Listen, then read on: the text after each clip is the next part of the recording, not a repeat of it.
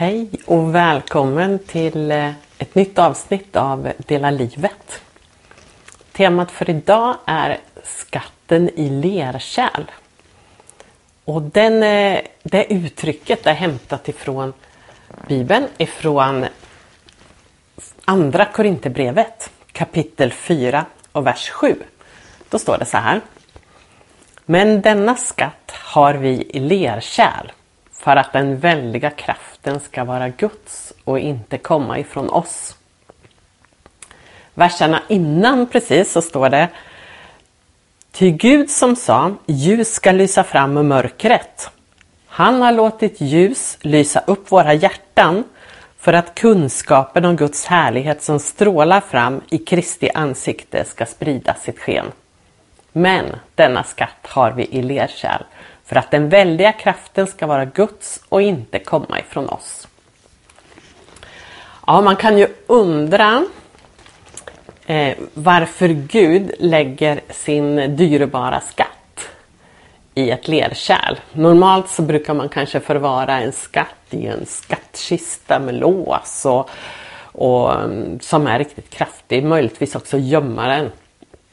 Men Gud ville göra sin skatt tillgänglig för oss alla.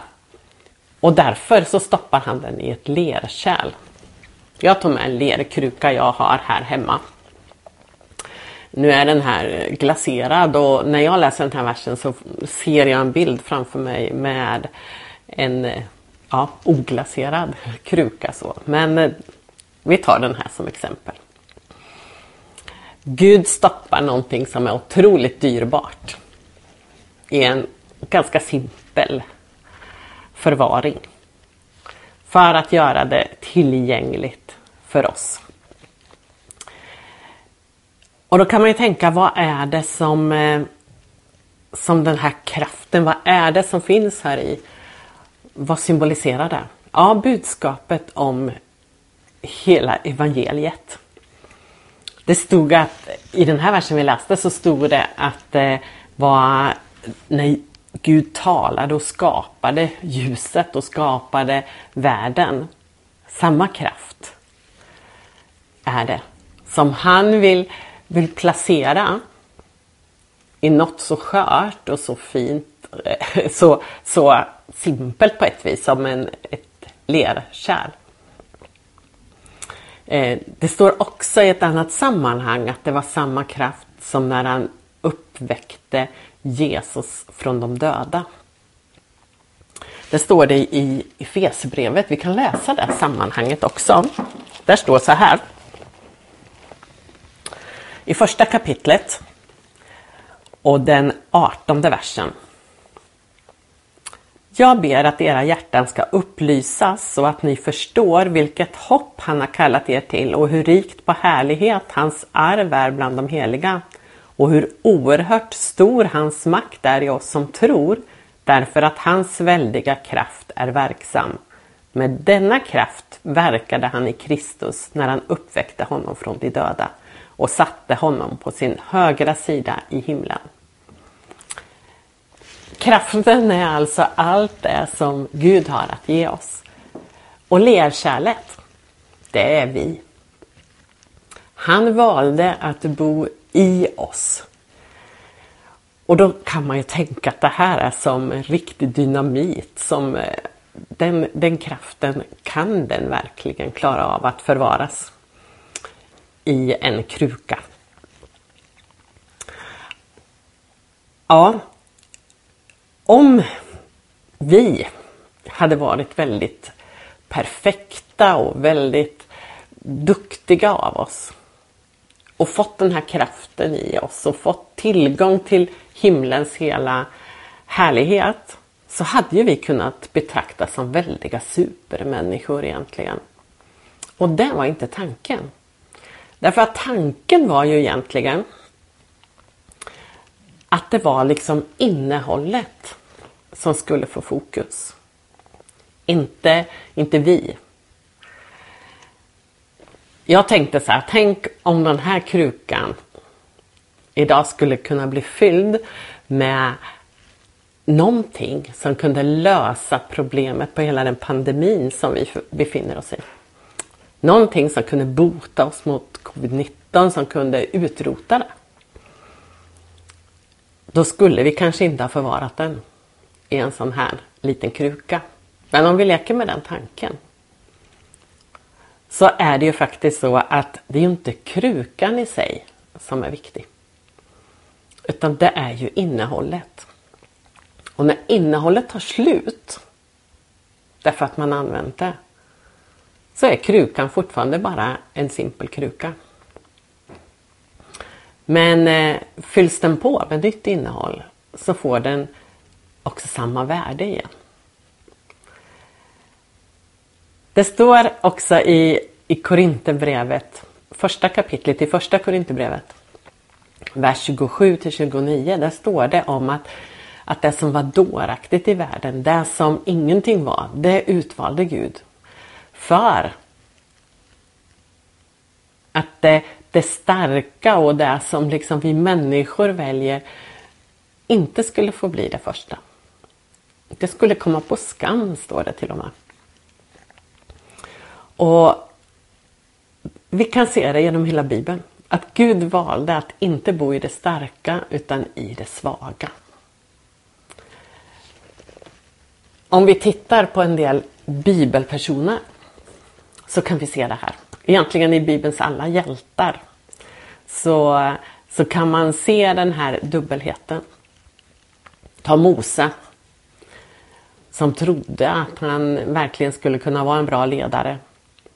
Eh, men när han gör det i egen kraft så dödar han en människa, måste fly från sitt land och lever sen på en helt annan plats än där Gud hade tänkt att han skulle få vara ledare.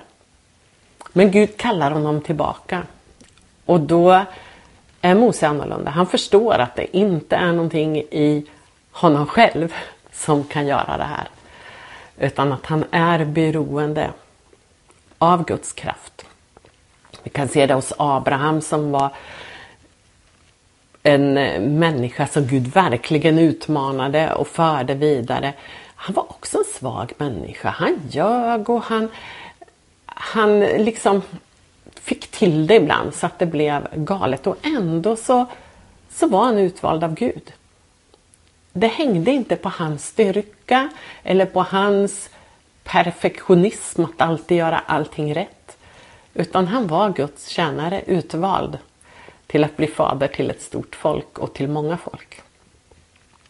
Och det tar inte Gud tillbaka. Vi kan fortsätta med David, vi kan se det i lärjungarna som Jesus valde. De var alla möjliga sorters människor och de gjorde inte allting rätt.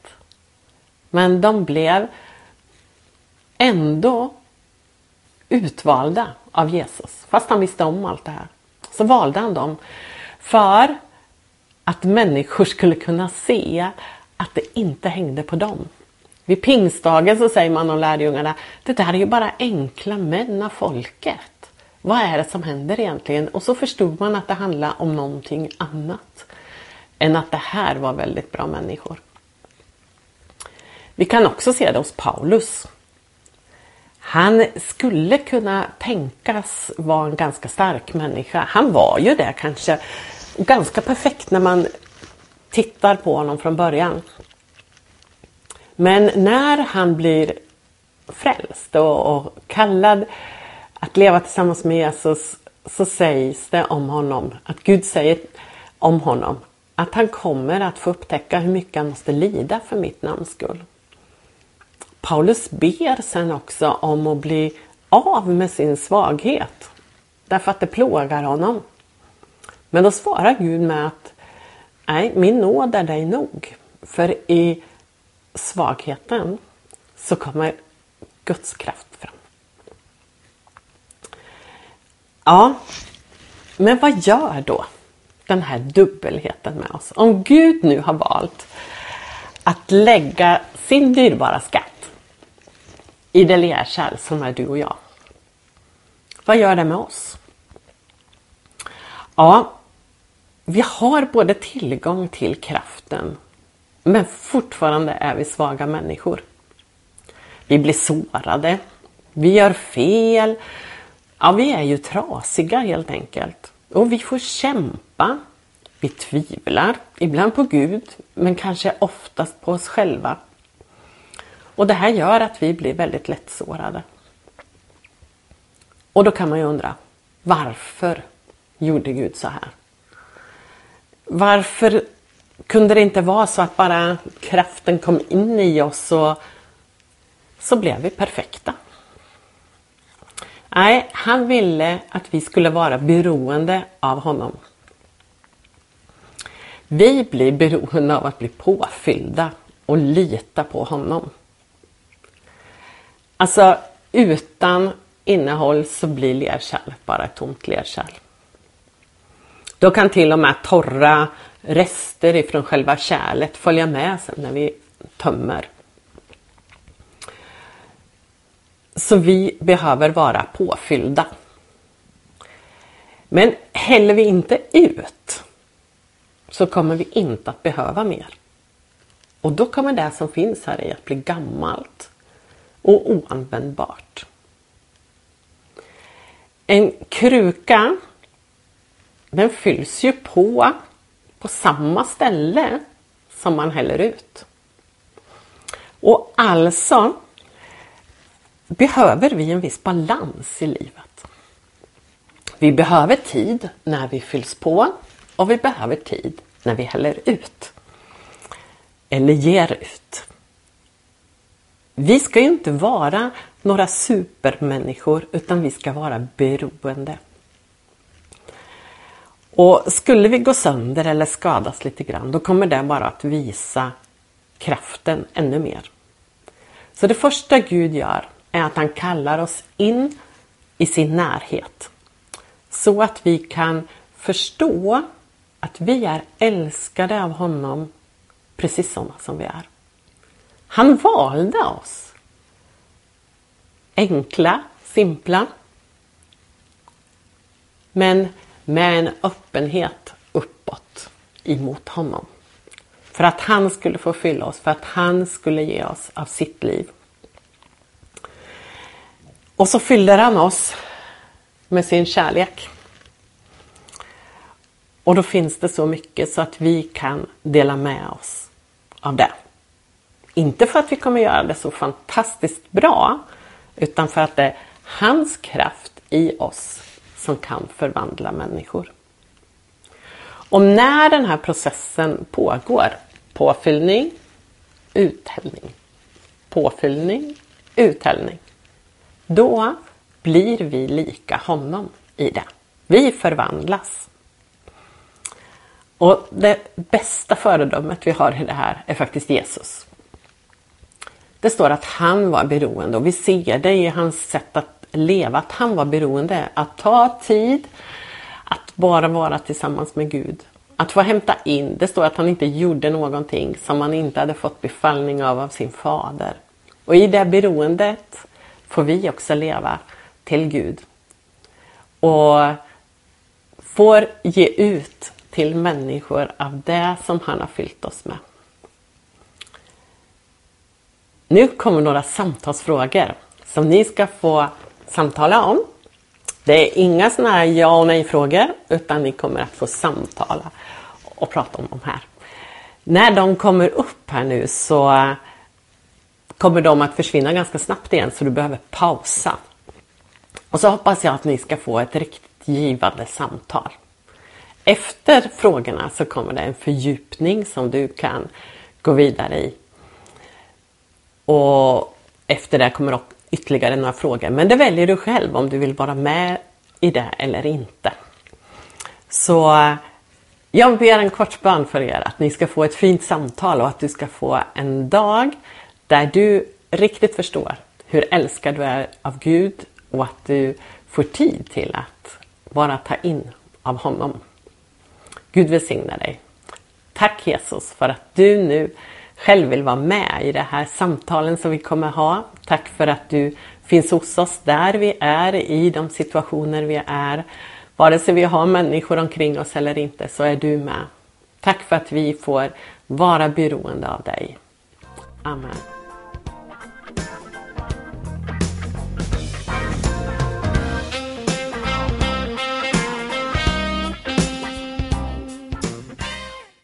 Samtalsfrågor Skatten i lerkärl Hur tänker du på din egen svaghet och brist? Blir du fördömande mot dig själv och låter bli att göra det du skulle vilja?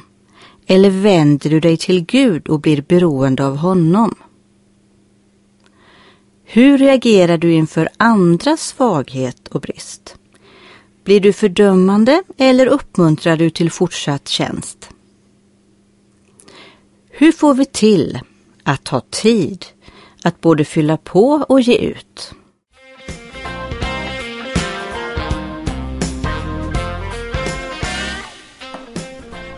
Välkommen till vår fördjupning i det här ämnet.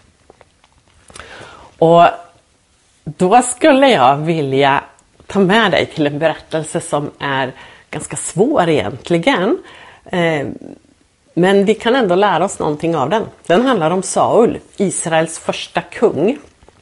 Det står om honom i första Samuelsboken kapitel 10 till 13. Där kan vi läsa om hur Saul blir utvald av Gud att bli kung. Men att Gud sedan ångrade och utser en ny kung. Och då kan man ju undra, vad var det som Saul gjorde? Som, som fick Gud att ångra sin kallelse? Var inte han också bara en svag människa som gjorde misstag? Och varför förlät inte Gud det? Det var så här att Israel var i krig mot amalekiterna. Och det liknas ofta vid synden. Om man ser på det här som en andlig berättelse. Synden i våra liv. Och många gånger hade Israels folk varit i, eh, varit i krig mot amalekiterna. Men det här kom hela tiden tillbaka. Och nu hade de fått i uppdrag att verkligen utrota amalekiterna. De skulle inte lämna någonting levande. Varken människor eller djur eller man skulle inte ta något krigsbyte därifrån. Men när man står där sen och har besegrat amalekiterna så tycker folket att oj, Titta här vilken fin boskap det finns. Vi kan, vi kan ju göra av med allt det där som inte är så bra. Men de här fina, de skulle vi kunna använda till att offra till Gud. Och så skodar man kungens liv och så skonar man alltså de dyrbara djuren som var fina. Och så kommer man tillbaka med det.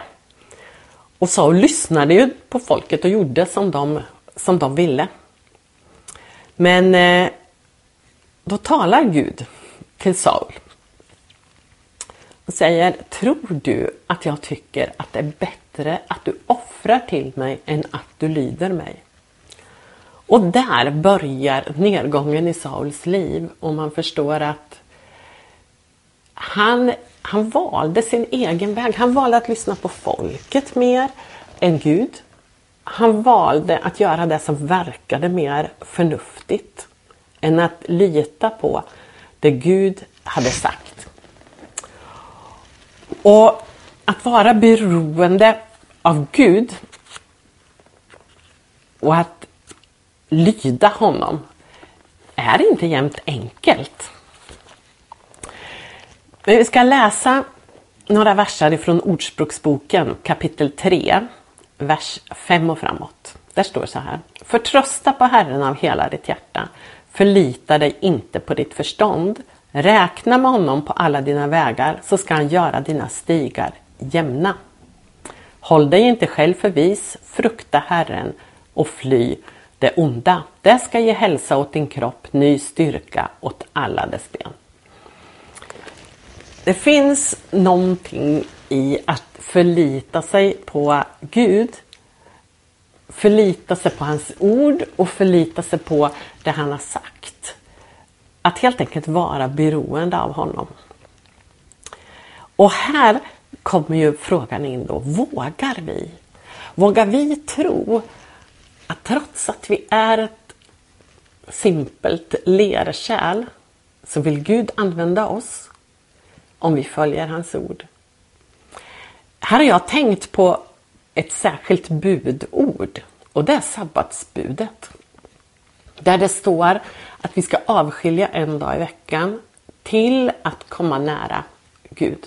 Avskilja den för Herren helt enkelt. Någonting tror jag här. Eh, att det finns en hemlighet i. Att vi vågar släppa taget om de saker som, som vi behöver fixa och göra för att regelbundet ta tid tillsammans med Jesus. Men frågan är ju då, gör vi ibland som Saul? Att vi tänker att ja men istället för att bara be kanske och läsa Bibeln, ta tid för Gud, så gör jag det här för Gud.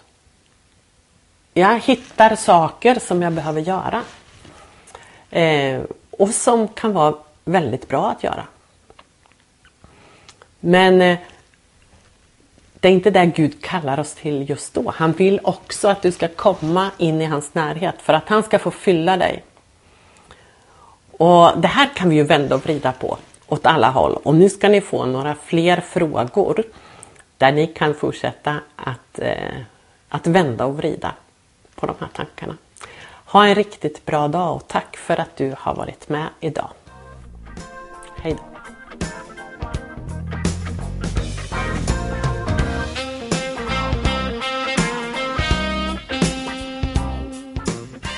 Fördjupningsfrågorna Vågar jag lyda Gud och lita på hans löften, även om människor skakar på huvudet åt mig? Hur blir vi en församling där svagheten får plats och blir ett sätt att ära Gud?